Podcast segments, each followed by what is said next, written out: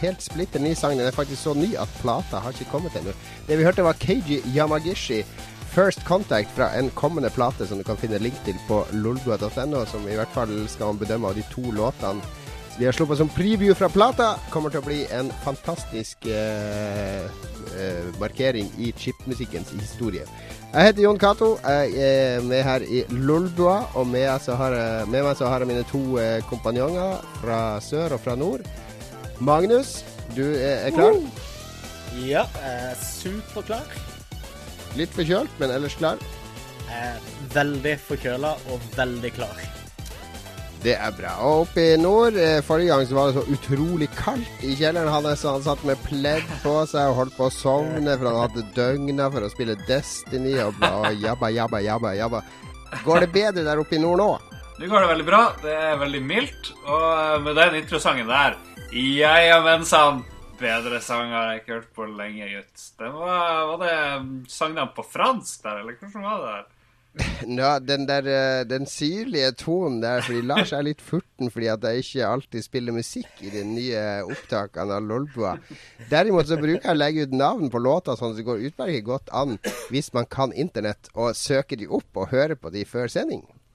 Mm, ok, da. Jeg trekker det tilbake. Godt, godt.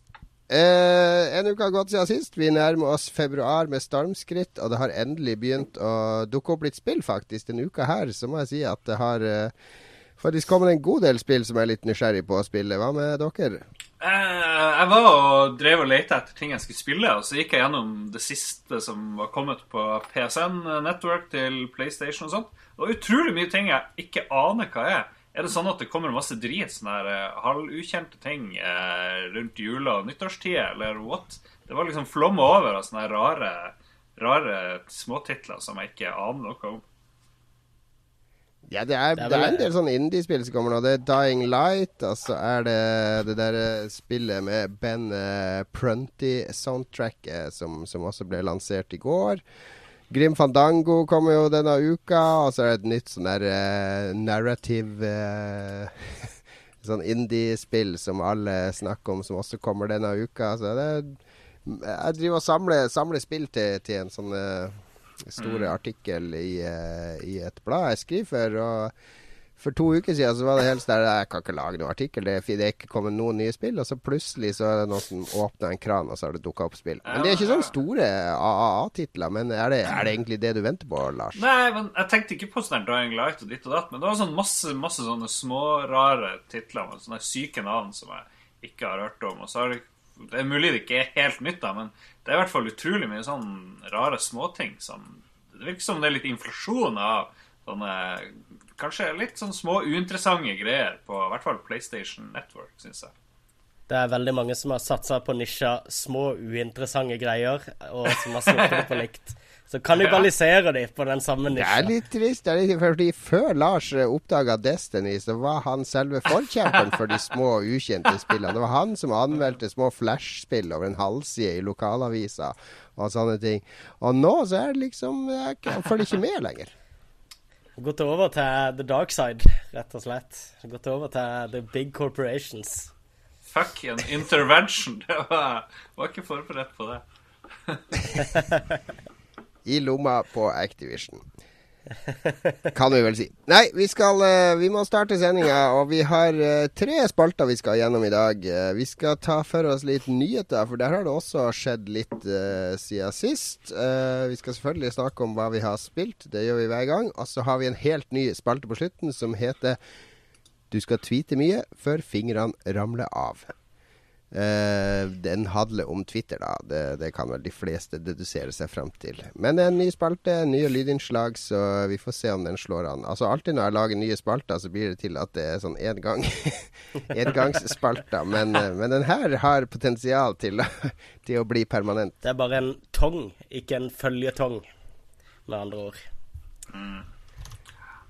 Du kan si sånn. Eh, jeg tror faktisk jeg har lyd klar her til deg, Magnus, eh, til, eh, til, nyhetsspalten, hvis du vil ha. Ja, gjerne.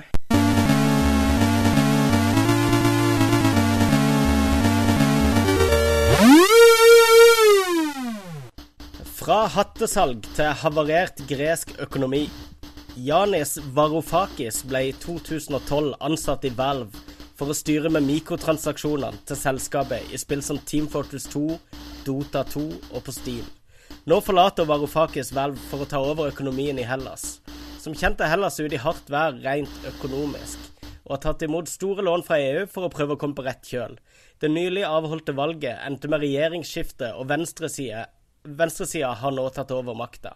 Om Varoufakis oppretter et statlig organ som kan utvikle og selge Half-Life 3, tenker vi økonomien kommer seg på beina igjen. ja vel, fra Valv til finansminister De hele stedet. har sett mange spillmedier kaste seg over denne saken. Den, eh, den resonnerer jo på tvers av, eh, av eh, mediene. Ja, og så ja. har du den greia med at spilljournalister stort sett har lyst til å være vanlige journalister, og griper enhver sjanse de har til å veve en annen nyhet inn i sånn vagt relatere det til spill, så de kan snakke om det. Og så har jeg sett ganske mange sånne hattevitser. Ja, det er ikke så rart. Ja, masse hattevitser. Men jeg tror folk òg liker nyheten i spillbransjen, fordi uh, så kult. En av våres, en av våres kan fære inn og styre landet. Eh, det at det styrer Hellas, er vel kanskje det laveste nivået du kommer inn på. Men kanskje han går opp i level og får lov å styre men, Tyskland etter hvert. Men tror du de eh, hardcore-gamerne ser på han som styrer mikrotransaksjonene i Team Fortress 2, ja, som eh, er en av sine? Eh, den hattegreia er Det var ikke første gangen noen kom med en hattevits da Hellas gikk under, altså.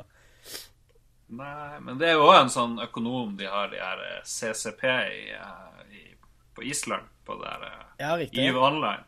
Så jeg vet ikke. Det er sikkert masse økonomer som driver lager sånne virtuelle økonomier. Det er litt spennende, syns jeg. Ja, det er kjempekult. Men det her, det, det, det, er jo, det er jo en indirekte bekreftelse på at Half-Life 3 kommer, er det ikke det? Ja, uh... Fordi det, det, symbolet på coveret til Half-Life, det er jo Det er jo sånn gresk symbol, er det ikke det? Den der uh, Epsilon uh, Lambdaen. Lambda, ja. Lambda-symbolet. Ja, lambda, det er jo L. Og her, nå skal Valve inn i Hellas. Lambda-symbolet. Half-Life 3 confirmed. Half-Life Troika, eller hva det ble. Ja, vi, vi, får se da om de har uh, produksjonsmidlene til det. de tar vel bare opp noe lån og nekter å betale de. Ja, jo, men jeg er ikke Ivan Lyons største eksportvaren sånn, sammen med bjørk, som Island har omtrent? Så kanskje Half-Life 3 kan være det samme for Hellas. Men nå er jo Hellas også Hellas er jo et veldig sånn spillfiendtlig land. De hadde jo sånn forbud eh, De skulle jo ha forbud mot sånne spilleautomater, husker jeg, på 90-tallet. Sånne gamblingmaskiner, sånn som vi har i Norge og vet du, på Narvesen. De der eh, mm. enarma banditter og sånn. Og da, i lovforslaget da, så klarte de å inkludere uh, alt av maskiner man kunne spille spill på. da Så det var I praksis så var det i flere år ulovlig å spille Gameboy i Hellas. Fordi det var ulovlig mm. å ha spillmaskiner i offentligheten. Yes. Ja, men det er, jo, det er ulovlig å slå koden sin òg, men alle gjør det jo. Så det må ikke ta for nøye på sånt. Vi får la det bli siste ord i, i Hellas-saken.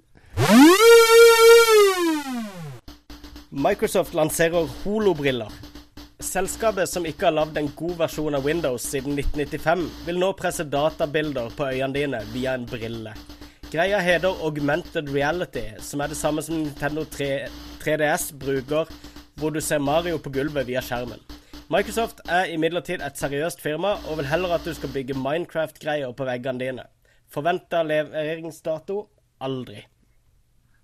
Nå var du veldig nede Vi kan avsløre at det var, det var Lars som har skrevet det. Var, Det, det, det, skinte vel litt gjennom. Nei, jeg gjorde det.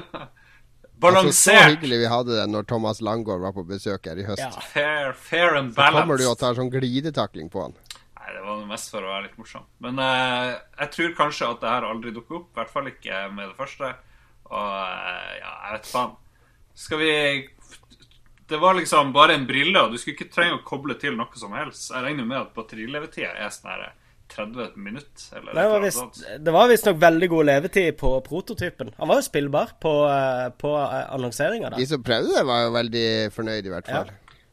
Det var jo veldig velregisserte demoer da, i regi av Microsoft. Det har jo litt å si, men uh, Men folk kom opp etterpå og fikk prøve. Akkurat som med Oculus Rift, så tror jeg vi ser et produkt som, uh, som ikke primært er et spillprodukt, men uh, som er anvendbart utenfor det. Altså det bruker oljeplattformer og alt mulig, alle mulige ting der man kan lage virtuelle rom, eller ha behov for å ha gjenskape ting rundt seg tredimensjonalt. Var det derfor de, var det derfor de brukte Minecraft som sånn hovedgreie der, da? Det var jo ikke hovedgreia. Det var sånn Mars Rover exp Exploration og et par andre ting. Minecraft var bare én av mange ting som skulle vise litt mangfold, tenker jeg. Ja, for det, det med den Mars-greia, det var vel eh, noe greier de hadde utvikla i samarbeid med NASA. Um, ja. Men det er en slags sånn videreutvikling av Kinect. Da. At de bruker jo eh, eh dette kameraet foran som som tolker eh, stemme og eh, fingergestikulering og sånne ting. Som kanskje ikke har Det er litt kjipt at du må ta sånn der eh, red room-bevegelse med fingeren, sånn som ja. i The Shining, for å klikke på musen. Ja, ja, men du klikker. Men um, jeg har jo vært litt uh, kritisk til Oculus Rift uh, av den grunn at jeg ikke kan se rundt meg mens jeg bruker det. Og uh, augmented reality er i hvert fall for min del et, et kult sånn kompromiss, kan du si, mellom Oculus Rift og Eh, kanskje Google Glasses, hvis det er eh, mulig å nevne fremdeles. Det er dødt og begrava her. Ja. Men det, det, vil vel være samme problem hvis man har uh, uh, skjevt syn eller sånne ting òg, for det er jo et 3D-bilde som skal plasseres et sted i rommet, så du må jo ha syn på begge øyene. Det nok sant. Men en, en veldig kul ting der var at du kunne sette opp f.eks. en virtuell TV-skjerm i uh, stua di, som du sjøl kan pinche opp og ned i størrelse.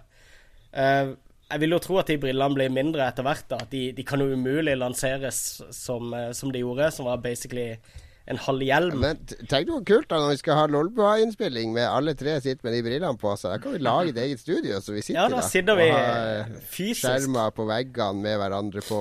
Det er, jeg ser fra Jeg gleder meg allerede, Lars. Du, du, du vil ikke. Men det kommer jo ikke før om sånn her eh, seks år, eller et eller annet sånt. De har sagt, vi, de har sagt... Tar, vi ringer til Thomas i Microsoft, så har vi noe før påske. Magnus, ja, ja, du ordner det. Du er vår kontaktmann utad. Jeg fikser det. Vi har det garantert i premier i neste quiz, vil jeg tro, om, uh, om ei knapp uke til. Ja, det er det òg. Uff, ikke minn meg på det. jeg tenker det samme. Vi klarer dette jo, Gato. Men jeg, jeg, er i hvert fall veldig positiv til det. Og uh, jeg syns uh, ideen med um, augmented reality har jeg likt helt siden jeg så de begynte å tegne opp uh, på fotballbaner i fotballkamper. Alltid vært veldig glad i den ideen med å legge på en måte forbedre virkeligheten med forskjellige små sånn finurlige ekstrafunksjoner. Og du ser det også i bilindustrien at de begynner med um, uh, vindusruter på biler som er fulle av sånn augmented reality-informasjon. For det var en tid da meg og, og Lars eh, bodde her i Oslo, da vi gleda oss til 2020 til Blade Runner-virkeligheten og sånn. Jeg omfavna alt sånn her det har jeg gjort siden da. Lars omfavna alt før, men han er blitt veldig skeptisk og konservativ. ja, hvis, ikke er, hvis, ikke det er, Destiny, så er det ikke interessant uh, teknologisk sett. Jeg opplevde jo Blade Runner-framtida da jeg var i Japan noen måneder. Da var det jo akkurat som å være i Blade Runner, bortsett fra litt mindre skyting. Uh, og det var sol der uh, i tillegg. Ellers var det slikt. var det aldri natt i Japan? jo, men det jeg sa, det var sol i tillegg til oh, ja, mørket. Ja. Jeg skjønner. skjønner. Ja, problemet når Lars var i Japan, var jo at det var jo natt på dagtid. Altså dag på nattid i forhold til hans kropp, da, så han opplevde aldri natt. jo da. Jo da. Nei, jeg er ikke negativ, men okay, Skal vi ta men, siste nyhet? Ja, men bare Hvorfor har Google kutta ut sine sånne teite briller? De kunne jo sikkert lett gjort det om til noe sånn her eh, augmented reality-greie. Jeg har ikke lest så nøye på det, men jeg tror vel eh, Det er vel den, den bussen jeg har fått de siste månedene, er vel at det, det aldri kommer til å ta av uansett. Jeg leste det, nå nettopp om uh, det, det kom en del nyvinninger i Google Glasses nå i det siste, faktisk. Jeg husker ikke hva det var for noe, men jeg husker overskriften var at Google Glasses blir enda mer creepy. Som var en eller annen uh, For du kan jo allerede ta bilder med å bare blunke. Um, ja, det var ansiktsgjenkjennelse. Det skulle de implementere i Google Glasses nå. Sånn at Uh, han kjenner igjen folk rundt deg og setter opp sånn uh, sikkert sånn tekst over hodene på dem.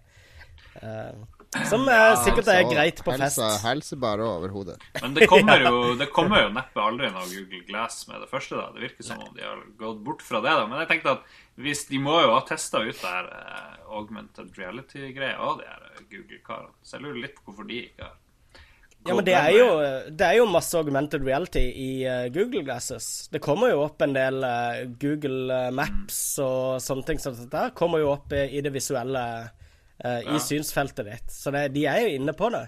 Men mm. Microsoft, altså Microsoft Research er jo, er jo noen av de fremste vi har på teknologiske nyvinninger, som de stort sett selger til andre. Men, men, dette ser ut som det er noe de har utvikla for seg sjøl for en gangs skyld. Og det skal implementeres sånn superintegrert med Windows 10, som kan bli interessant å se hva det er de prøver på der. Vet vi om den er integrert med Zoon? Den, her, uh, den er nok det. Det vil jeg tro. Ja. Zoon okay. og prosjekten Natal. eh, Sony sier unnskyld.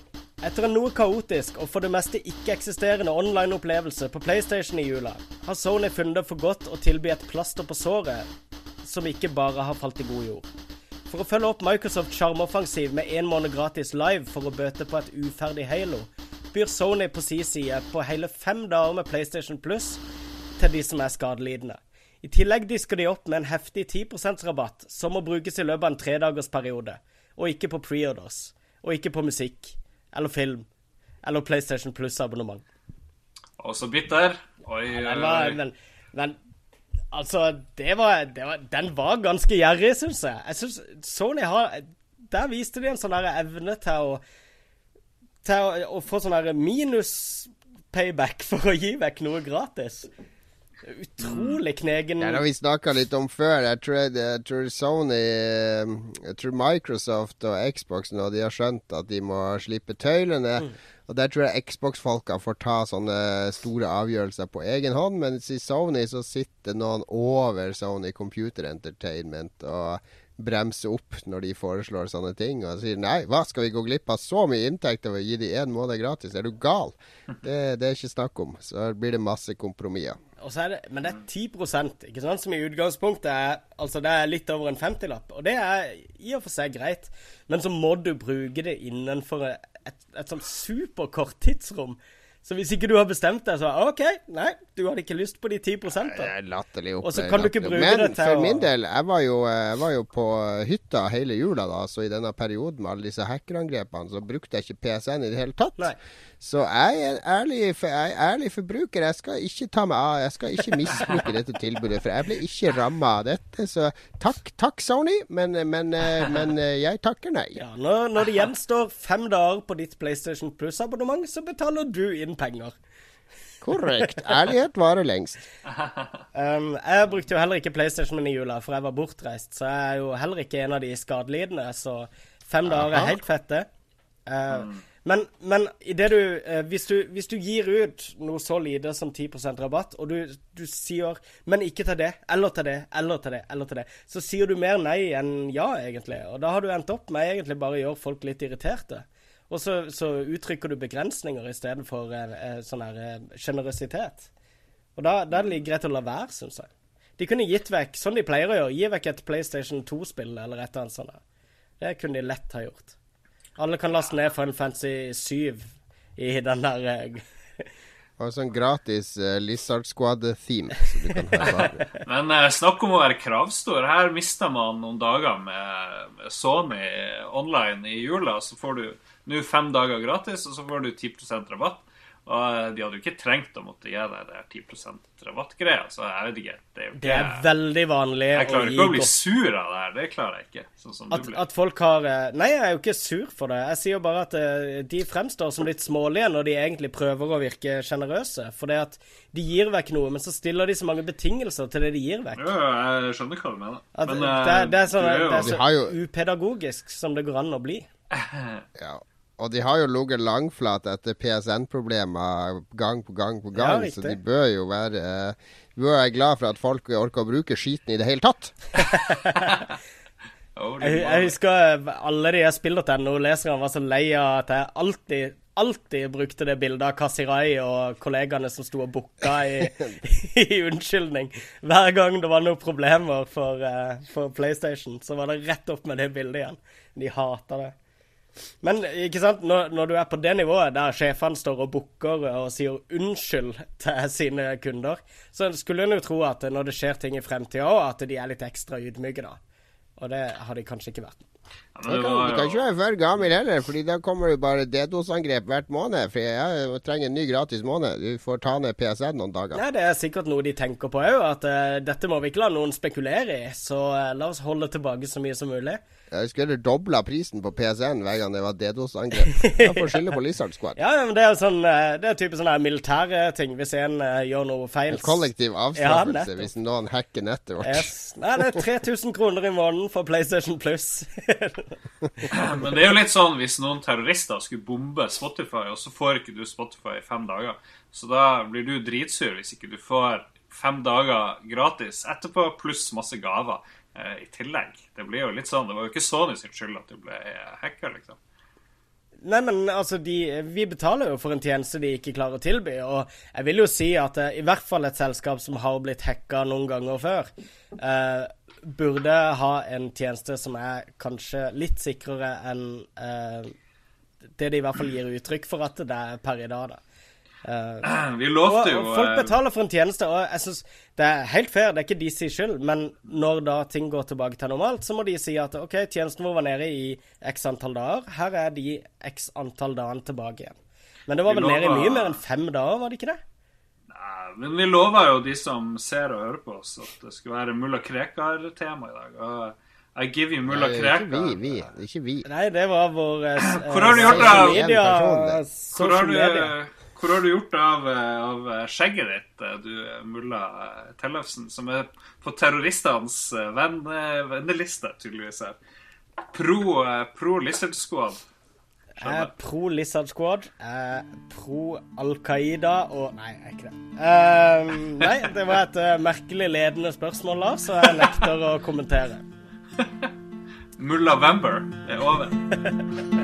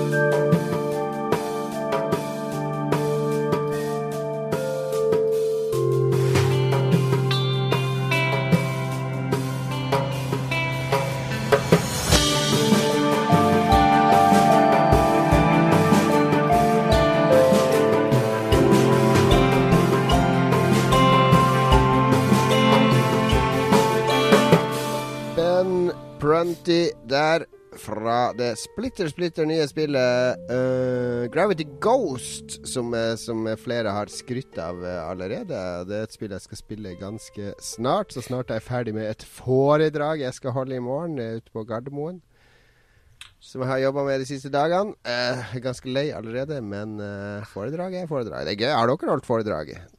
Jeg vet ikke om du syns det her er veldig gøy, men det høres ut som du er litt nervøs denne gangen. Kanskje litt ekstra nervøs eh, for det her, Jan? Ja, som vanligvis så pleier jeg å være en av mange, Altså er det sånn 20, har jeg 20 eller 30 minutter. Og jeg klarer alltid å lire av meg noe fornuftig på 20 eller 30 minutter, men nå er det satt av to timer i programmet til det foredraget mitt, så nå må jeg legge litt ekstra arbeid i det. Men jeg tror det jeg skal gå. Jeg har sånn 70 pluss slides da, men, eh, og jeg er ikke på tynn is på noen måte, men uh, mm. Men uh, det er litt lenge, syns jeg. Går det an å eh, sette gruppearbeid i gang? For det er mitt triks. Eh. og så skal du jo bruke ja, litt på jo... Du skal jo bruke litt på å få de til å veive armene fra side til side og, og rope sånn Og sånne ting. Skal du ikke det? Det blir sånn Jeg husker vi hadde en lærer på videregående av og til i dobbelttimene i fysikk. Så kom han inn og så skrev han opp syv-åtte oppgaver på tavla, og så gikk han på bakrommet og røkte. så satt han der hele timen da når han var i dårlig form. Men uh, det, du, det, det, du, kan gjøre, det er å ta med enten videoklipp eller med konsoller. Så kan du sitte og spille og liksom uh, jobbe foran de mens du kommer med liksom Let's Play-kommentarer. Spille GTA i to timer. skal, prøve, skal prøve å gå på fjellet. På hytta. tar, du med, tar du med Vidar hos oss? Kan fortelle om Mount Chilian. Nei, det har, eh, det har det er et seminar, eller det er noe sånn undervisningsopplegg om behandling av spilleavhengighet og alt mulig sånn. Og så er det masse sånne eh, forskere og folk som er og holder uh, tretimersforedrag der men de ville ha en sånn motvekt. De ville ha litt, en, en, som kunne komme og snakke litt om hvordan spill faktisk er kultur, og hvordan spill kan berike oss og sånne ting. Da. Så da spurte de meg, og det syns jeg jo er hyggelig. Da blir det jo first person hookers all the way, tenker jeg. ja, det blir to timer med sånn lapdance i GTA. jeg, jeg, jeg ser for meg at foredraget begynner med dette. Dette er Lars. Lars spiller Destiny hele tida. jeg har med Destiny-foredraget, faktisk. Du er Case, Lars.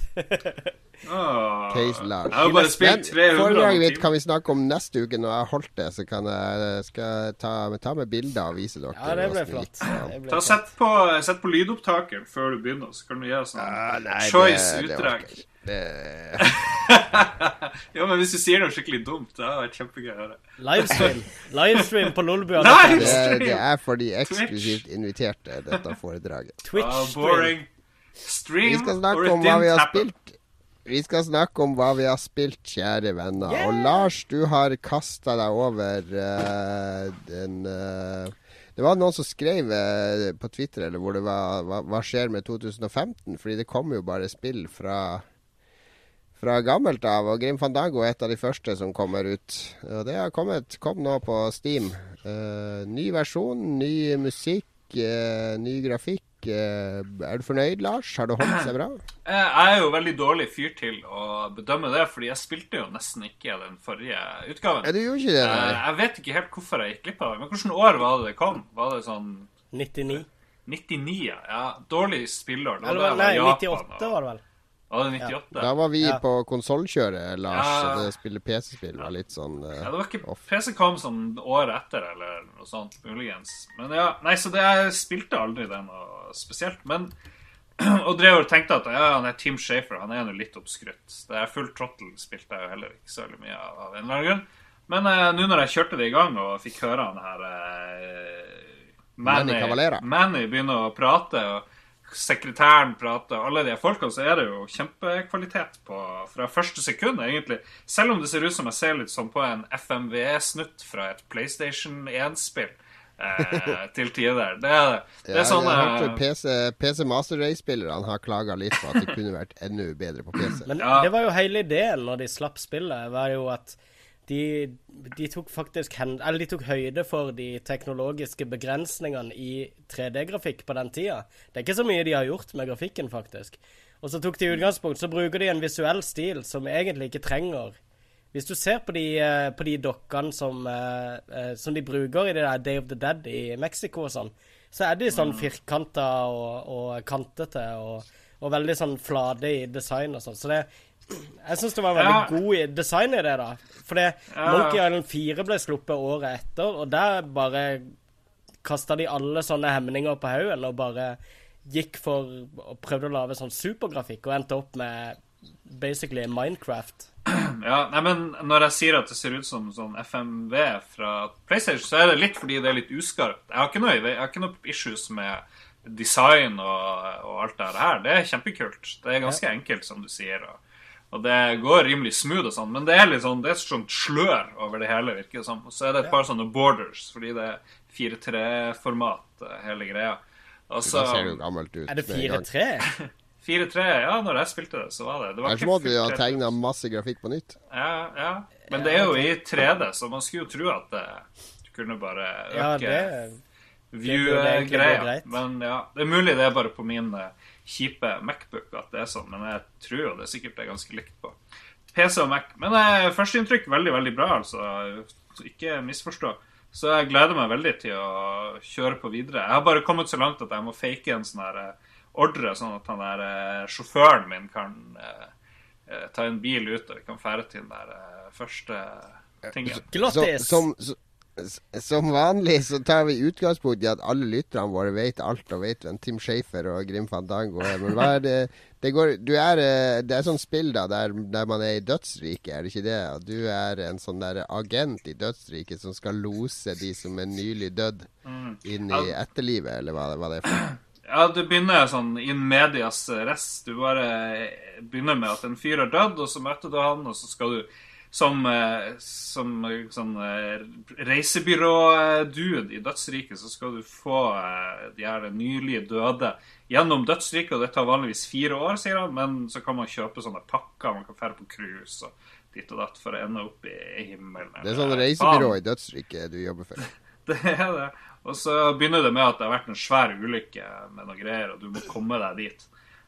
Men ja.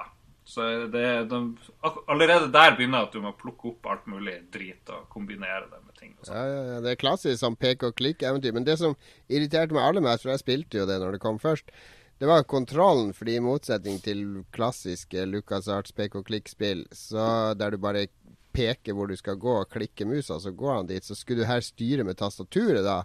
Så du skulle drive og rotere de rundt, og så gå bortover langs veggen og bort til kommoden og sånne ting. Hvordan er kontrollen nå? Føles det naturlig, eller er det like teit som det var før?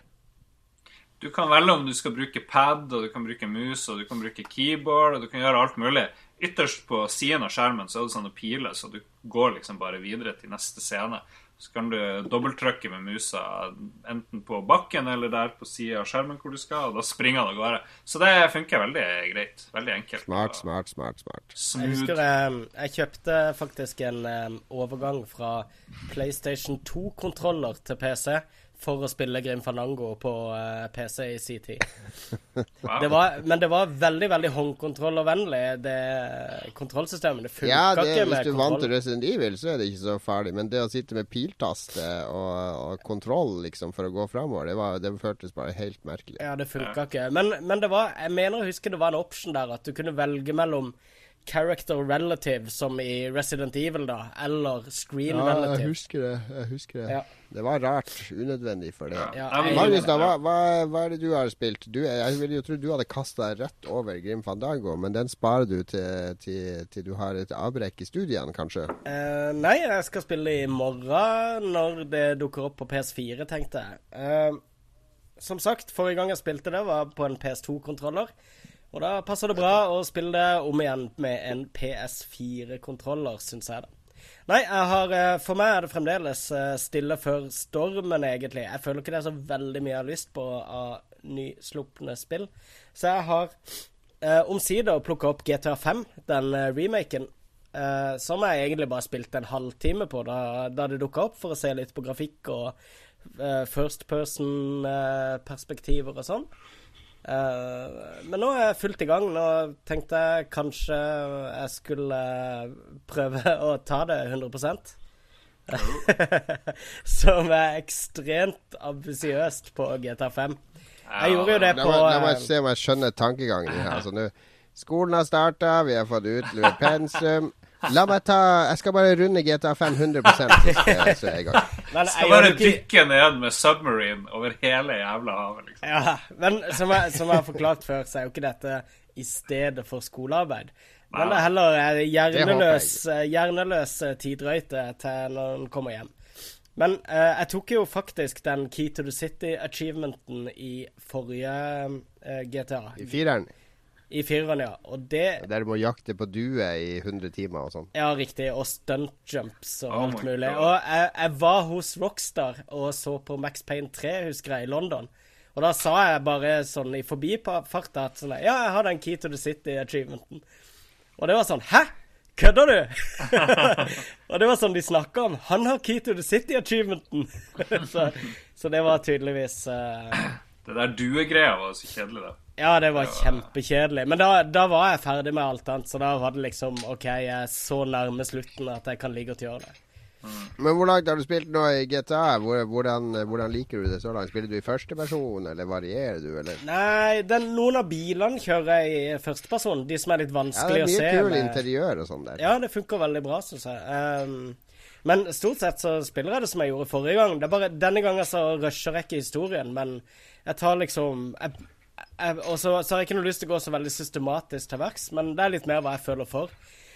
Så jeg, jeg veksler litt mellom å gjøre sånn tilfeldige missions og løpe maraton og sånne ting, eller å mm. eh, gjøre noen story missions, eller å Ja, eller bare kjøre rundt og prøve å gjøre noe ablegøy. Et herlig spill. Jeg, jeg, vet ikke om dere så, det var en sånn video med sånne gamlinger denne uka, eller i, i helga, som florerte på Polygon og sånn.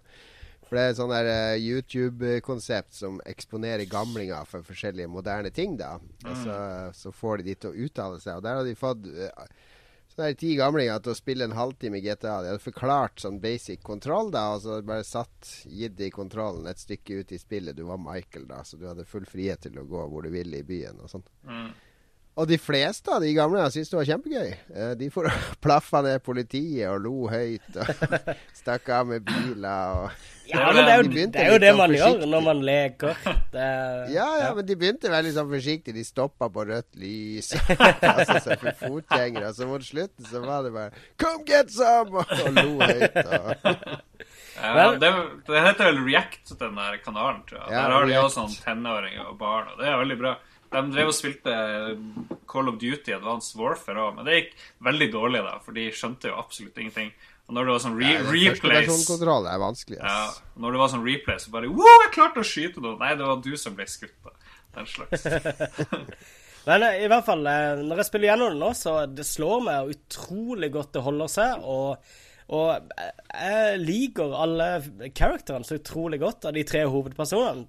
De har de har klart å gjøre det så ufattelig Liksom, det er sympatiske psykopater, da, uh, alle tre. Uh, uh, du har liksom lyst til å tilbringe tid med dem, og det er helt fett å gå og jeg har ikke så lyst til å tilbringe så mye tid med Trevor. jo, Trevor er dritgøy. Han er bare kaos.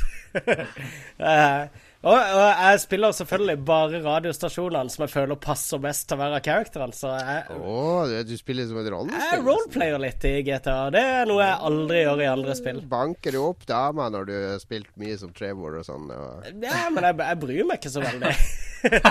men, men, uh, men, med Michael så er det mye sånn 80-tallsmusikk. Uh, Phil Collins og uh, Ja, det er herlig. Ikke sant? Mens, uh, mens, det er punk og metal med Trevor og Men nå slo det meg det er, jo, det er, jo, tre litt forskjellige menn i, i, GTA. Vi er tre litt forskjellige menn her i Lolbua, og jeg ser jo Jeg ser på oss tre Jeg er jo Michael. Nei, du er familiefaren. Sitter her oppe i Beverly Hills. Lars er jo Trevor, langt nord for byen. Ikke sant? Han bor jo langt nord for Oslo. Det er du som er Trevor, jo. Oppe i utkanten og hvile og deale og prøve å få hjula til å gå rundt. Og så har vi Magnus, da ung og sulten, går på BI for å komme seg opp og frem. Det handler om money, money, money. Bor i hooden i gamlebyen. jeg sier bare hvem, hvem av oss tre har helseskjorte eller en helsetrøye? Det tror jeg bare er en av oss, og det må jo være Trevor. Det er, ja, ja. Jo, helsetrøye, det er vel bare Jon Cato i Lolbua som Jeg har masse, masse helsetrøyer. Masse helsetrøyer, til og med. wife, beater on the ready. Ja. Nei, men greit. Det var en bra observasjon, Jon. Det var fint.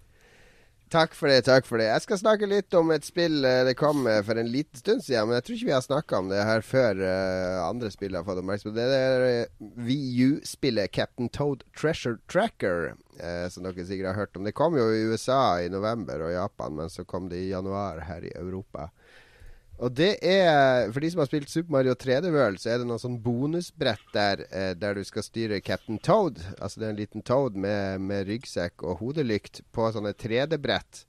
Og Det spesielle med han er at han kan ikke hoppe, da. Han kan bare gå, egentlig, og så slå på brytere eller plukke opp enkelte gjenstander. Så du må finne veien gjennom den labyrinten da, uten å bli drept av fiender, og samtidig plukke opp noen diamanter uh, for, å, for, å, klare brettet. Det er sånn puzzle Mm. Puzzle-greier. Og han har da fått sitt eget spin-off-spill som kom i januar, og veldig, har fått veldig god kritikk Og veldig mange som er glad i det. Og jeg, jeg har runda det sånn 96% Vi driver Oi. og tar alle diamanter og, og mm. alt ekstra nå, da, jeg og ungene. Men det er ikke, det er ikke sånn her eh, Jeg er ikke sånn eh, Jeg er litt sånn med på det spillet, fordi det er litt sånn eh, Det er sånn hastverksarbeid. Altså En ting er at de har brukt veldig mye av ressursene fra Super Mario 3D World. Det er masse grafikk som er gjenbrukt. Det er helt greit, da. Den er fin og passer bra og alt mulig sånn. Men det er, det er veldig kort. Altså Hvis du, mm. hvis du spiller det intenst, så klarer du det på under tre timer. Da må du gå tilbake og ta alle items på hvert brett da, for å få alle bonusbrettene. Men det er ganske kort. Og så er det veldig få bosser. Det er, veldig, det er ingen klimaks i det. Og så er det den store testen, og det gjør jeg på mange Nintendo-spill, fordi uh, mange av oss har så godt forhold til Nintendo og Mario sånn at vi blir liksom blenda med en gang. Mm. Men, men, den store testen er jo hvis du tenker deg spillet uten Mario, f.eks. Hvis du tenker deg Super Mario Galaxy uten Mario, men med en Sony-helt i hovedrollen, sånn, så er det fortsatt et knallbra spill. Mm. Uh, og Det samme med Mario 3D World og alt sånt. Det vil fortsatt være et knallbra spill. Men greia var, jeg, jeg brukte det her eksperimentet på Toad. da Hvis du tar bort Toad og alle Mario-referansene, så har du egentlig et sånn iPad-spill. Du har et sånn veldig typisk iPad-spill der du kan rotere en sånn 3D-verden og sende en sånn kar gjennom og skal gå til mål. Så det er, det er egentlig veldig sånn shallow spill til å være Nintendo, føler jeg. Det har en del sånn kjempesjarmerende øyeblikk, og, og, du blir sjarmert i senken. Det er umulig å ikke bli glad i de figurene og den grafikken og sånn, men det er, eh, det er litt sånn der Eh, la oss sette et lite team til bare å lage et lite spill, så vi holder, holder hjulene i gang. Ja, jeg har spilt, eh, jeg har spilt litt der også. Uh, bare et par ja, Kanskje ikke et par timer engang, bare sånn kjapt. Jeg hadde litt samme inntrykket. Jeg føler òg bare de har De spiller bare på én tangent, egentlig, gjennom hele greia. I hvert fall så langt jeg har kommet. Og jeg følte òg egentlig bare at for det, jeg, jeg, elsker de brettene. Kommer, jeg vet ikke om du har kommet til bok to. da det, det, er sånn Når du har klart bok én, så kommer du til bok to. Og tenker ok, nå kommer det en ny sånn der mekanikk, tenker jeg. En ny sånn der gimmick som jeg må mestre. Men det gjør ikke det, da. Det, det, er jo bare mer av det samme. Ja, og Altså, det slo meg at det var ekstremt lett. Uh, I hvert fall så langt jeg har kommet. Ekstremt lett. Og, uh, ja, det er litt små Det blir utfordrende når du skal ta alt, spesielt på bok tre okay. og de bonusbrettene. Der, for der er det noen brett som er ganske pirkete, men det er aldri sånn der uh, supervanskelig. Men jeg, jeg syns det er kult. Jeg elsker den verden der, eller det universet. Så jeg blir, jeg blir i godt humør bare jeg skrur på uh, spillet. Så det hjelper jo. Og det var, det var en av mine favorittbiter fra, fra Mario-spillet. Jeg elsker de bonusbrettene. Så, uh, så, sånn sett så er det kult med et sånt gjensyn. Men jeg er helt enig i at det er litt, litt sånn rart som et spin-off-produkt. er sånn. Eh, er det verdt 440 Nei, 499 kroner? Ja, det syns jeg ikke. Nei, det syns jeg òg. Det her er sånn DLC-spill til ja. 299 før det. Ja, definitivt. Ok, Da er jeg glad for at jeg fikk det gratis. Det kunne vært, et, uh, det kunne vært uh, noe du unlocka i Super Mario 3D World. Ja. men det er sjarmerende. Hvis, du finner det, hvis du finner det i billykassa Det er ikke ofte Nintendo-spill kommer på tilbud, men det, vi, altså, jeg er jo veldig glad i VU. Det er masse bra spill på VU, og det er absolutt verdt å plukke opp eh, ja. hvis du finner det i en billigkasse, eller hvis du er desperat etter et nytt eh, VU-spill. Eller det kommer i salg på VU eh, e-shoppen. Det gjør det jo av og til. Okidoki. Men jeg skal spille det. Jeg spilte det på E3, og jeg syns det så veldig kult ut da. Så jeg, ja jeg håper jeg likte det bedre enn dere gjør det. Det er sjarmerende. Det er ikke det at det er dårlig Altså, det er en terningkast fire i min bok. Det er det. Mm. Fordi det er kjempesjarmerende. Og ungene elsker det. de, vi spiller det sammen, og de, med, de, får det til å spille det òg, da. Så, så spille det sammen med barn er helt perfekt. Et av de beste sånne der, uh, spill vi har spilt sammen. Jeg må bare få kjøpt en Wii U først. Har, har du ikke en Wii U, Lars? Jeg, jeg vet ikke hvor den er. Borte. Der snakker vi om i hver episode at han ikke finner Wii U-en sin. Herregud. Det står sier det er Mats som har gjemt den under senga si, fordi han, han, elsker Han er egentlig han liker ikke PC. Han uh, Lars har en leieboer som er, tilhører PC Master Race. Mm. Jeg tør ikke lete under senga der, altså. Wii U-en ligger under den der svære haugen du har med søppel etter engangsmiddager etter ved siden av Destiny. Ligger begravd under Hellstrøm sin fiskegratengbokser.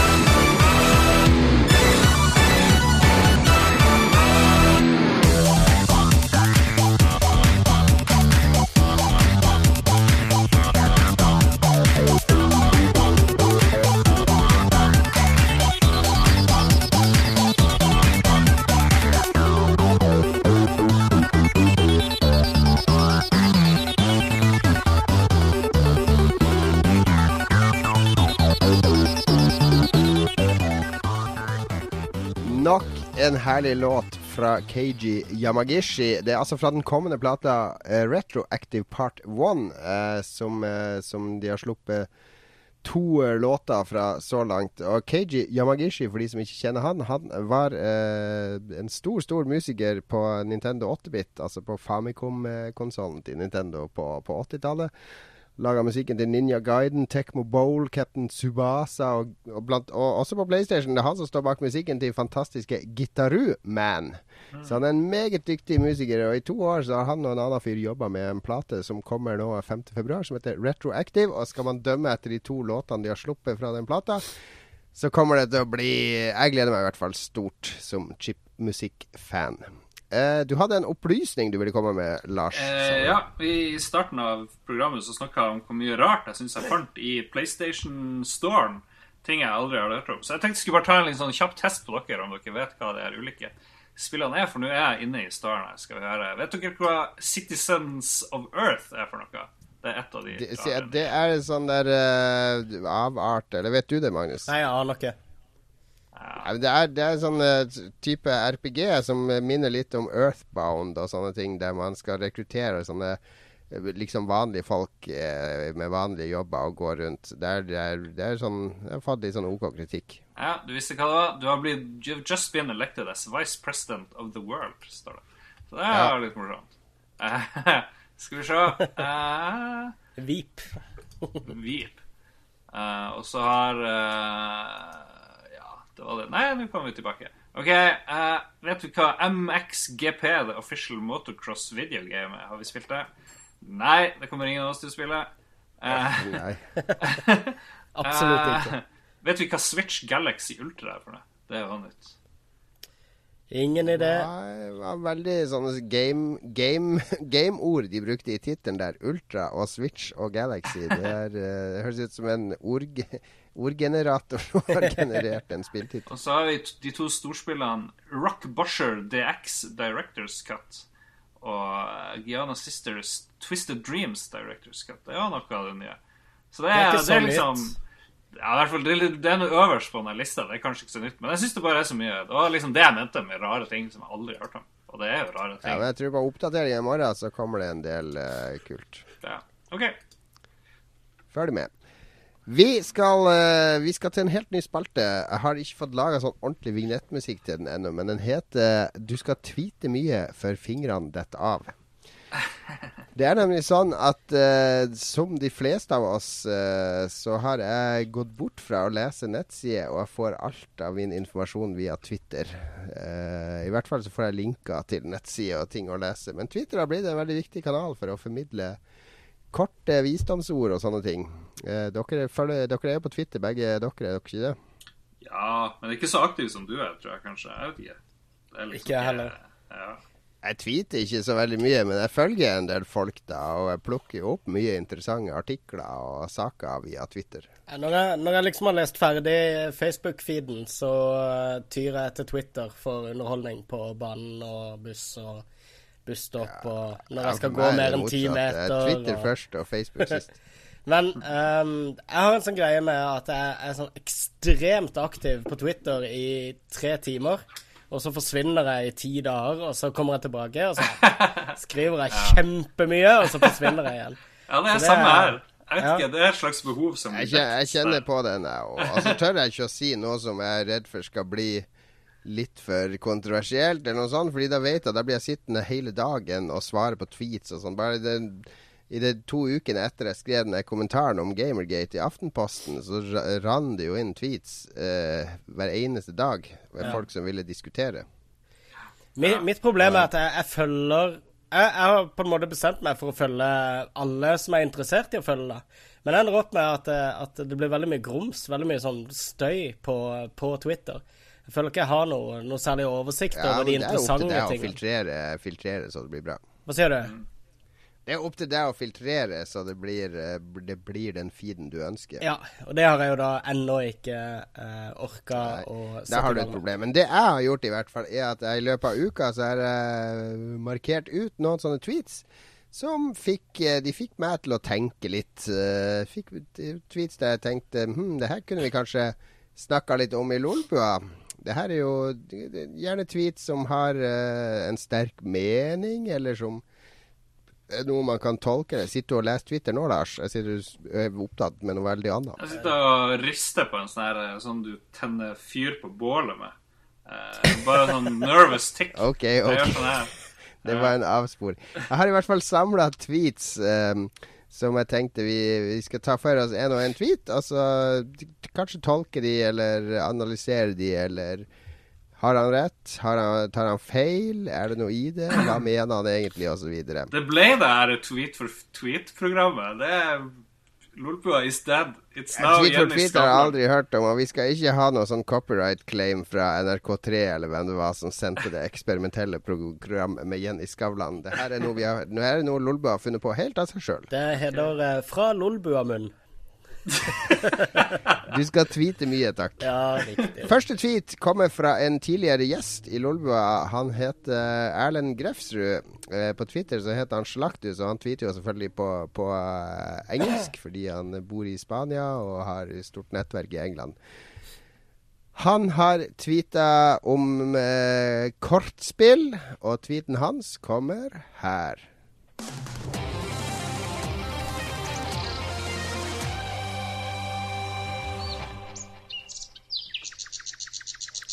Let's face it, Hearthstone is way better than Netrunner and Magic.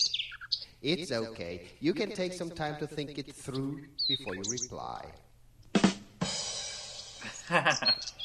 OK, OK. Heartstone bedre right, det var altså Slaktis Erlend Grefsrud sin påstand at Heartstone er mye bedre enn Magic og uh, Android Netrunner. Kontroversielt? Det er helt sikkert kontroversielt, for det er det som å si at World of Warcraft er bedre enn Ultima Online og Everquest, liksom. Altså, eh, eller Eve Online, for den saks skyld. Uh, altså, er det det? Er det det? Nei, men Ja, det er egentlig å si det. For det at alle vil si at uh, Blizzard sine produkter er liksom sånn der uh, utvanna hardcore-produkter der de har stjålet elementer fra alle de beste og konstruert sine egne veldig sånn uh, lette å spille og ja. Hva skal du si? Ja. Sånn mainstream-appell-kompromisser, da. Jeg har jo ingen, Men, ingen, problemer med å tro at uh, Heartstone er mye bedre enn Magic, i hvert fall på data. da. Og uh, det der nettrunner-greia har jeg aldri spilt. Uh, du har en spiller som er netrunner. Jeg skjønner jo godt hva han sier, fordi Heartstone er så bra designa, det er så bra balansert, det er så um, brukervennlig å spille at det finnes ikke noe bedre digital kortspillopplevelse. Det, det er jeg helt enig i. Det, det er helt suverent uh, på alle måter. Men det tar noe Det gjør en del Altså De andre spillene gjør jo en del som Heartstone ikke gjør. F.eks. de andre spillene kommer jo med eh, med Android eksempel, kommer jo med nye kort hver, hver, måned omtrent. Ja, det er Magic også, så kommer det ekstremt Og Magic gjør jo òg det, sånn at de må hele tida skifte ut basepoolen. Altså kort blir utdatert og sånne ting. Dit kommer jo Heartstone òg til å komme en eller annen gang. Der de er nødt til å begynne å eliminere 100... gamle kort for å gjøre plass til nye meta... Ja, det kommer jo nettopp 120 nye kort, da. Det, mm. det, kommer jo nettopp 120 nye kort, så uh, de skal ha for at de Og, ja, og så kom det en singleplayer. De jo, jo, verre blir det å balansere det, ikke sant? Ja, både òg, da. Men da, da, har du en uh, Og det er jo litt problemet, for det er så vanskelig å komme inn i Magic nå. For det er så psyko mye kort. Ja. Ja. Så hvis ikke du kan noe om spillet, hvis ikke du liksom har lest deg opp på noe sånn her eh, 'Dette er bra decks å begynne med', osv. Hvis du bare vil finne ut alt sjøl, så blir du jo sittende i, i uh, oppstartsgropa i, i ukevis før ja, du kommer i gang. Ja, så, sånn er det med Android òg. Det er et spill som tar et halvt år å lære, i motsetning til Heartstone. Ja, nettopp. Så der er jo også Heartstone helt suverent, men det, men, men det blir litt som å sammenligne uh, ja, det, de er såpass forskjellige òg. fordi det, det, som Android har, jo er jo den der asynkrone flerspilleren. At de to spillerne spiller to helt forskjellige spill. Han ene angriper den andre, han andre bare forsvarer seg. Det er to helt forskjellige kortstokker. Det er helt forskjellig regelsett og sånn. Så sånn sett så syns jeg, jeg, jeg vil ikke si at det overgår Android, men den terskelen for å begynne å spille Android er så enormt høy. Og, men det er, også, det er, det mest veldesigna kortspillet jeg har spilt, mm. selv sammenligna med Heartstone. Men du har, Både når det eh, gjelder tematikk og, og meta og hele pakka. Uh, veldig mange av de mest profilerte uh, dekkbilderne i Heartstone, altså de som setter standarden for åssen dekk som blir brukt i metaen, det er tidligere Magic-spillere som altså Colento og Reynard og ikke minst Brian Kibler, som er en av verdens eh, helt klart beste Magic-spillere, som har spilt profesjonelt kun kortspill i snart 15 år, ifølge han sjøl. Mm. Og han har nå kasta seg over på Heartstone, for det, og det er, det er veldig tydelig at, at det er der pengene ligger, da, sånn rent sånn Twitch-messig og, og eh, at det, er mer mainstream. Jeg hvis, hvis, jeg, hvis, jeg, hadde spilt profesjonelt kortspill i 15 år, så ville jeg jo tro at pengene lå i poker, og ikke i, i. Ja, men uh, han har spilt, uh, han har spilt uh, profesjonell poker også i et par år, tror jeg, og tjente ja, masse penger. Men så er det litt sånn, han er jo en geek. Men du merker skal, veldig, da vi, Men poenget mitt, da Skal vi stemme om vår, vår venn Slaktus har rett eller ei? Kan jeg ikke komme med poenget mitt, siden jeg jo, begynte med å si Jeg datt ut for lenge siden, men kjør på. Ja. Nå går det der Oscar-musikken mens jeg snakker, da. eh, det som er greia med Brian Kibler, er at du merker i streamen hans sin at han eh, kommer med sånne små stikk hele tida til Heartstone. Der han på en måte indikerer at det er magic, det er det where it's at fremdeles. Og at, eh, og at alt det kule i Heartstone basically kommer fra Magic og de andre eh, spillerne.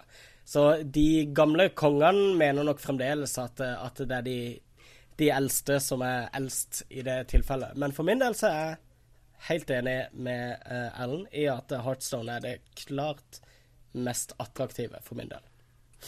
Var... Så du er, du er, helt enig med Erlend. Hva med deg, Lars? Ja, jeg er helt enig. Absolutt helt enig. Ja, Da er jeg uenig. Altså, Magic er den hjemmelagde pizzaen. Uh, Heartstone er Grandiosaen. okay.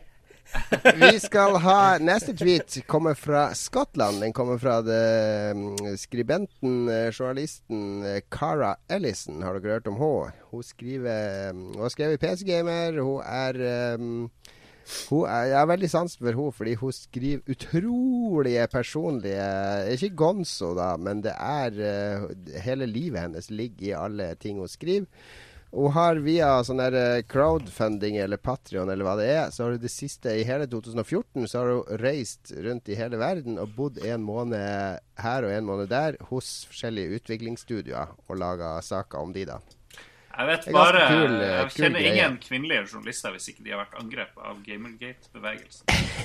Hun har hatt sin dose Gamergate, tro meg. Hun har også en spalte på, på Rock Paper Shotgun som heter s.exe, der hun bare skriver om sexbilder. da. Eh, pornospill og sånne ting. What? Som også er populær. Hun er absolutt verdt å sjekke ut. Det er Cara Ellison på Twitter, og hun har en tweet som jeg tror eh, spesielt Lars kanskje vil, eh, vil eh, reagere på.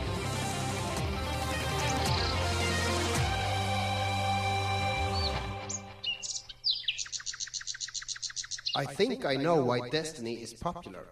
It's like being high, but for people who don't know what being high feels like. ja vel, hva snakker vi om her?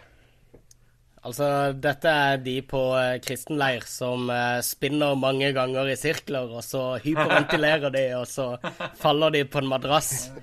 Og så sier de at de vet hva heroin er. Eller de står med hodet mellom beina sånn, og så reiser seg opp fort. Ja, nettopp. ja, men jeg synes det er helt Ikke, ikke prøv det her hjemme, Frøy. Men, uh, men hva, har du sagt noe om hva hun mener er liksom the real deal her? da? Har har Nei, hun har litt sånn kryptiske meldinger av og til. Men jeg tolker det som um, jeg, jeg, har jo jobba steder der, der uh, hasjbruk var, var utbredt, f.eks. Og der folk når de var ferdig på å jobbe i butikken, så dro de hjem, og så røkte de og spiste, og så røkte de og sona ut hele kvelden og var i sin egen lille verden og i sin egen komfortsone, og så la de seg, og så jobba de dagen etter. Jeg tenker Destiny fyller litt av det samme behovet. Du kommer hjem, og så setter deg inn i komfortsona di, som er å løpe rundt på de planetene og skyte og oppgradere utstyr. Og det, det, det gjelder ikke bare Destiny, det gjelder jo MMO-er og sånne ting generelt. At det er som du får en liten hai av å rømme fra virkeligheten inn dit. Jeg tror kanskje Jeg tolker det kanskje litt lengre, for det, jeg, jeg, tror det er det siste i setninga som er sentralt der. At uh, det er for de som ikke vet åssen det er å være hai. Uh, ja, kanskje det. Og, og, der har du den greia med Ja, du har sånn som Lars og Rune og disse her som, eh, som er bergtatt av Destiny, mens sånne uh, gamle MMO-tryner Mens de heller burde begynt med heroin. Nei, men sånne gamle MMO-tryner som jeg sitter hele tida og snøfter og sier Dette her har jeg opplevd ti ganger bedre, og dette fins superutbrodert i alle MMO-er som produseres på PC for tida.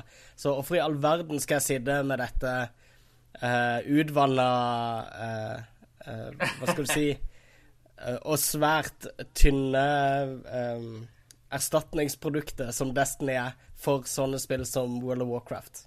Det er jo det jeg tenker når jeg ser folk spille WoW. Det er jo at det her spilte jeg på 90-tallet på Mud med kun tekst og grafikk.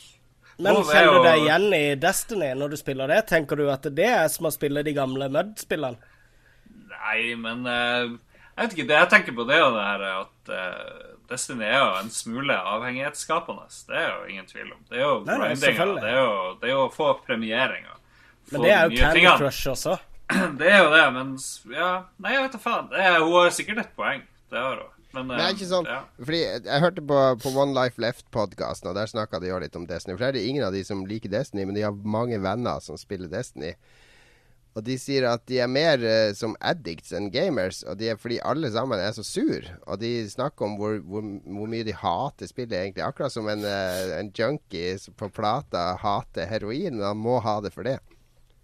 Ah, er det det?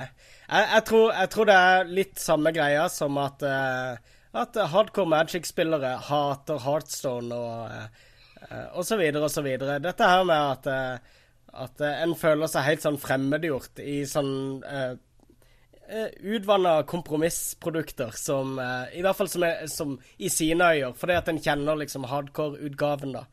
Og ikke det at WoW er så veldig hardcore, men i denne sammenhengen er det faktisk det. Jeg vil jo si at vi som spiller på Spilldate med Lolcrew, som alle som ikke er medlem ennå, uh, må melde seg inn på, på Facebook. Det, det, er jo ingen som går og hater og klager noe sånn veldig mye. Det er sånn koseklaging av og til, men hvis det er noen som klager, så er det fordi Jon Cato har logga seg på. Og, uh, ja, det er mest jeg ja. som klager. Det er, jeg har, jeg, akkurat nå er jeg nå er jeg i det der uh, hjørnet der det er sånn der tre uker fremover med Jeg trenger ikke å spille så mye da, men det er sånn der Det er så mye teite terskler i det spillet. Men jeg kjenner få som er så ambivalente til Destiny som det du er, Jon Cato. Ja, jeg er ambivalent. Jeg, uh, det er uh, et av de verste parforholdene jeg har vært i. Det er uh, juling den ene dagen og skikkelig god sex neste dag. Jeg vil, jeg vil si du er, du er, sånn bipolart ambivalent til det spillet der. Jeg er kanskje det. Jeg er kanskje det. Vi skal Ja, skal vi stemme? Og Har Kara rett? Er Destiny som å være høy eller rusa? For folk som ikke vet hvordan det er å være rusa. Jeg sier, eh, jeg, eh, jeg sier Det er god, god observasjon. Eh, mye å analysere og tolke. Jeg Tommel opp fra meg.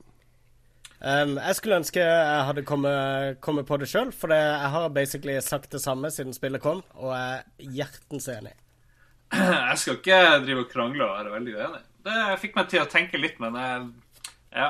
Nei, jeg vet ikke. Det jo, hadde det ikke vært for at det var så sosialt og hadde, vi hadde det så gøy, og hvis det hadde vært liksom mer negativt, så hadde jeg vært litt mer enig. Men hun har et poeng, så jeg skal jeg hive meg på at Det, det er jo ikke liksom kritikk, det er mer la unger, la unger ja, få kose seg. Det er mer ja, Nei, det er helt greit. Det, ja. det, det, er helt greit.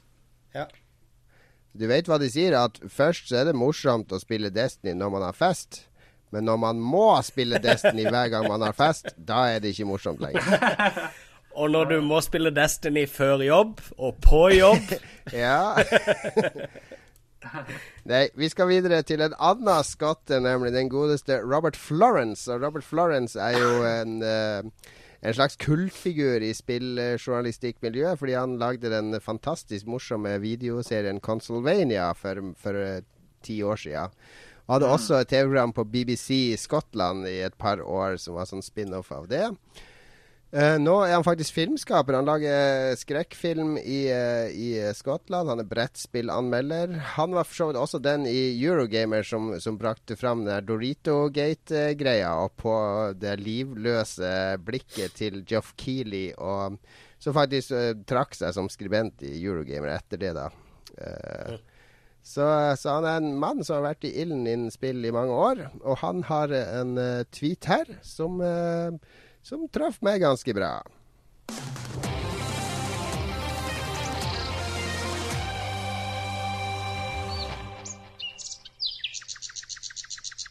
Forget about ethics in games journalism. It's extinction in games journalism we should be worried about. Joystick closing, it seems. All right. Nyhet i dag er jo at uh, spillnettstedet Joystick nå skal stenges av AOL, som, som eier de. Det stemmer helt sikkert. Uh, sånne rykter sprer seg ikke så, så, mye uten at de stemmer. Nei. Det er nok, uh, nok, et spillnettsted som skal ned. Det er flere som kommer til å legge ned i år, det, det kan jeg garantere. Det er også endringer i norske spillmedier jeg har hørt om, som gjør at det blir mindre ordentlig spilljournalistikk og mer fokus på andre ting osv. Er det Det står man her og og formaner kapteinen på skuta om å følge skipsvettreglene mens skuta går ned. Er det er det, det Gamergate har blitt til? De eneste som overlever nå, er vel de, eh, de svære, som, som, paradoksalt nok er de Gamergate har kjørt uh, uh, antireklamekampanjer mot. Så, så, det er de som blir stående, mens resten uh, stuper rundt dem.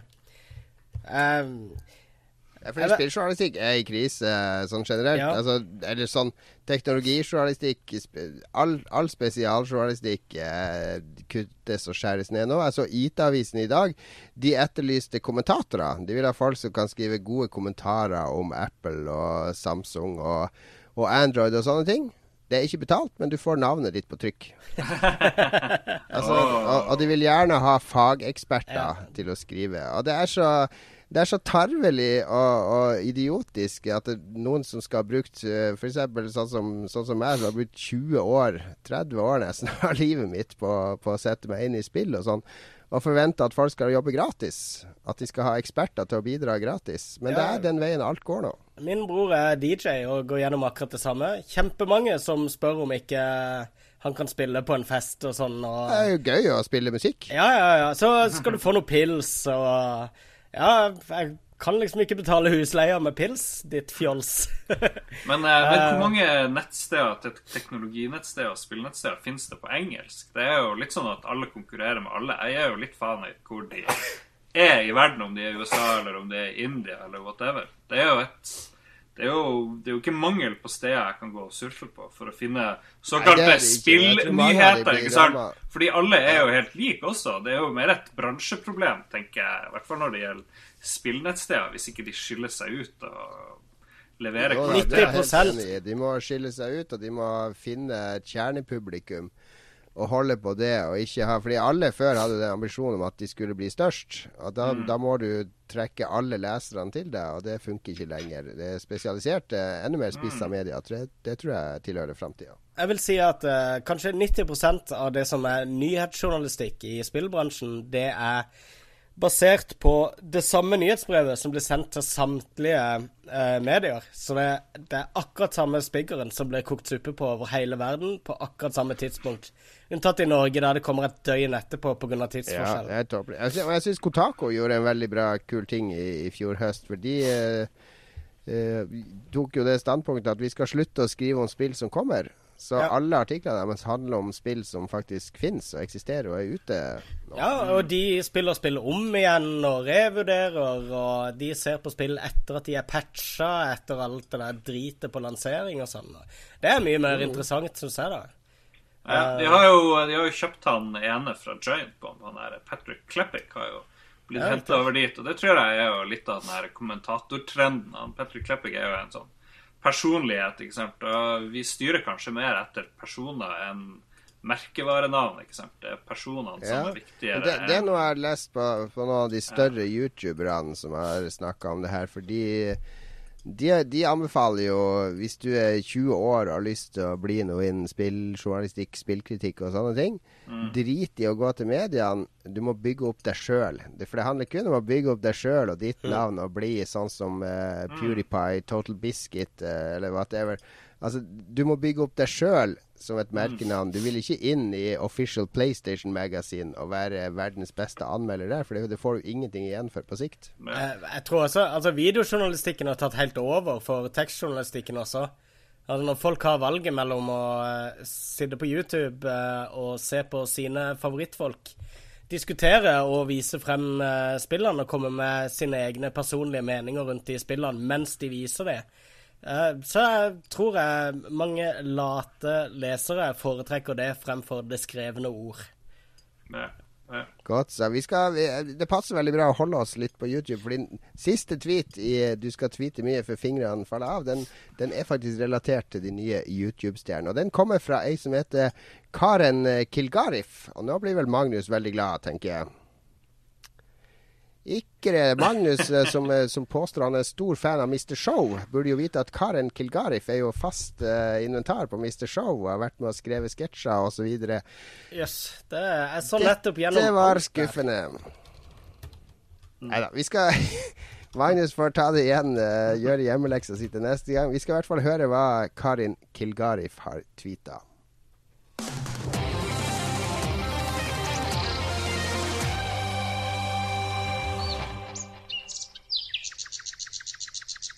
Behind every YouTube star is an IKEA bookshelf.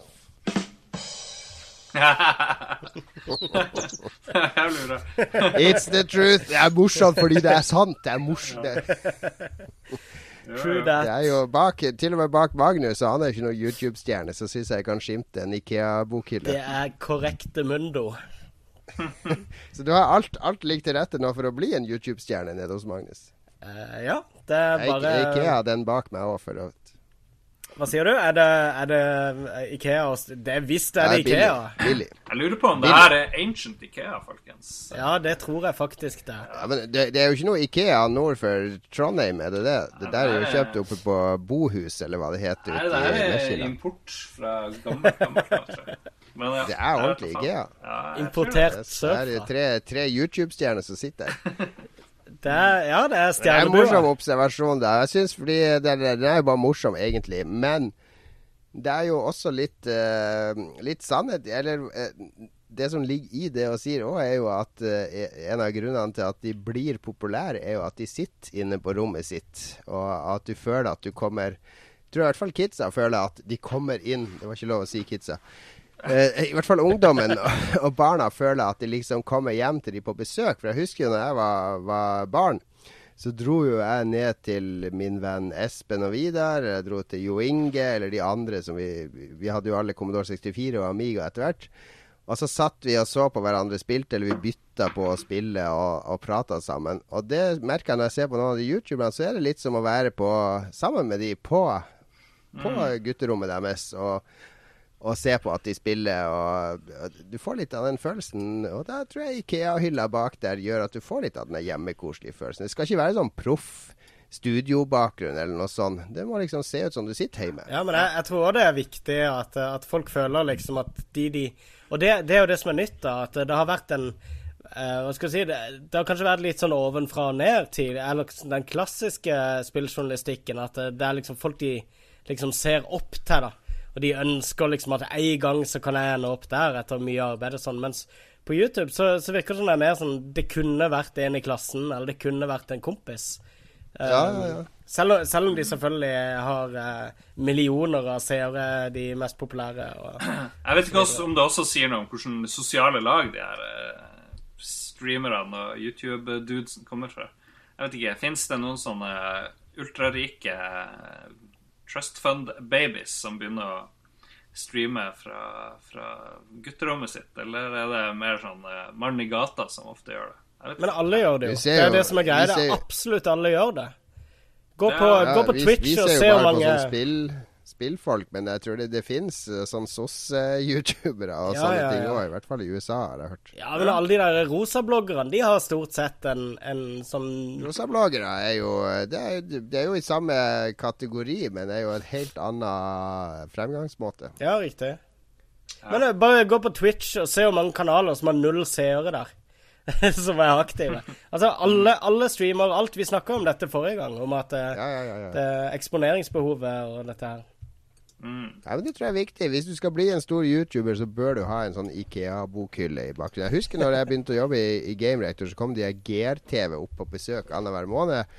For da skulle vi spille inn og sånne spilleanmeldelser. Og da hadde de med seg noen sånne ruller som de rulla opp og satte opp bak oss, fordi det var sånne bakgrunner med noe ja. sånn mangagrafikk og Game Reactor-logoer og sånn. Og det bare så helt teit ut inne på kontoret. Ikke sant? De skulle heller bare gjort det mer gonzo. Mer, mer som, som mm. Eh, håndholdt. Eh, amatørmessig. Men, eh, men, nei, da var, da var målet Det her var jo 2009-2010. Da var jo målet å, å, se ut som NRK, ikke sant? Men du ser jo det også på uh, Spilljournalistikken er blitt mye mer personlig nå, ikke sant? Altså Um, det er blitt mindre sånn uh, distansert uh, teknisk fokus og mer og mer personlig. Folk gir mer av seg sjøl. Og det, jeg tror det er naturlig at når en kommer over til filmformatet eller videostream, så folk har lyst til å vite litt om det personlig også når de sitter og ser på det. De, det er en slags mm. tilhørighet der. Og da ja, ja Ikea-hylla er sikkert med på, på å bonde Ikke mer folkelig enn en Ikea-hylle bak faktisk Ikke. De demokratiserte jo møbelmarkedet i sin tid. Jeg vet at, at, etter hver sending, Magnus, så, du, så, flytter du den inn i skapet igjen, den hylla. Det er bare en kuliss ja, ja. for at du skal se folkelig ut. Det er faktisk en sånn, uh, sånn rull. Rikmannssønnen. Det er en sånn rull som de har på uh, i Game Rector, som er, som er Ja, det er det. det er 2D. yes. All right, det var det vi hadde i den sendinga her. Hva syns dere om den nye spalten, karer? Veldig bra. Veldig bra. Det var eh, beste, beste hittil i 2015. Ingen tvil. Ja, det er godt å høre. Ja, Men det er en spalte som er ganske lett å lage, så det, det her tror jeg vi kan uh, vi kan ha i framtida. Og det er jo også noe dere kan uh, lage. Det er bare å ta vare på et par tweets, så har jeg lyd, uh, lydoppsettet klart for å lage de. Det er bra. Ja. Vi kan slutte sendinga med en gladnyhet. Han Morten Tyldrum, som fikk åtte Oscar-nominasjoner, han er wanted for å regissere en film som heter The Passengers i Sony. Og så står det på VG at manuset skal også være i de beste hender.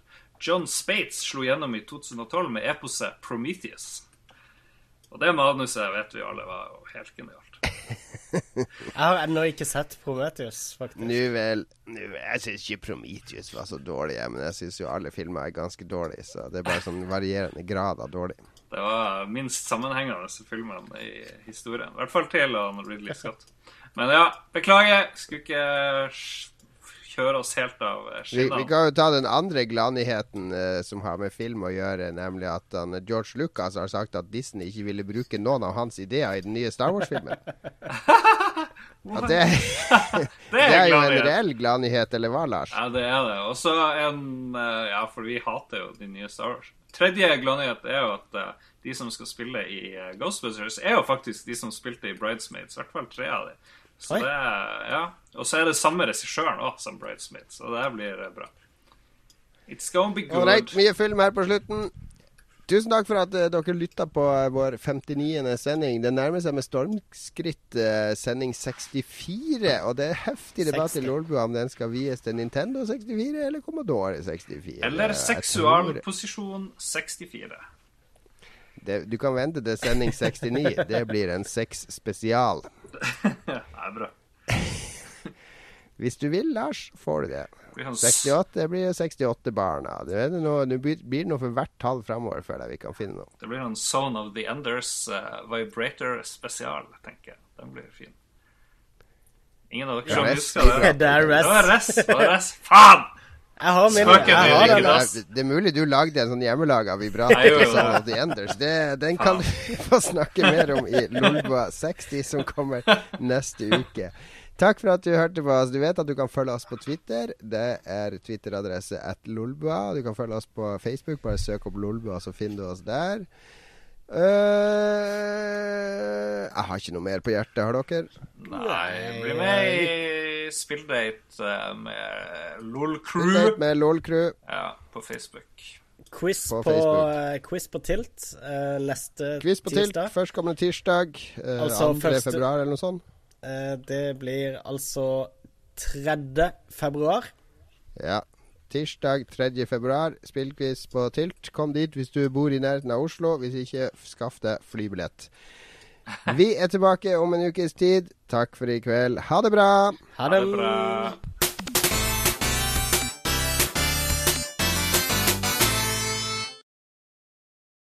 Har du et enkeltpersonforetak eller en liten bedrift? Da er du sikkert lei av å høre meg snakke om hvor enkelt det er med kvitteringer og bilag i fiken, så vi eh, gir oss her, vi.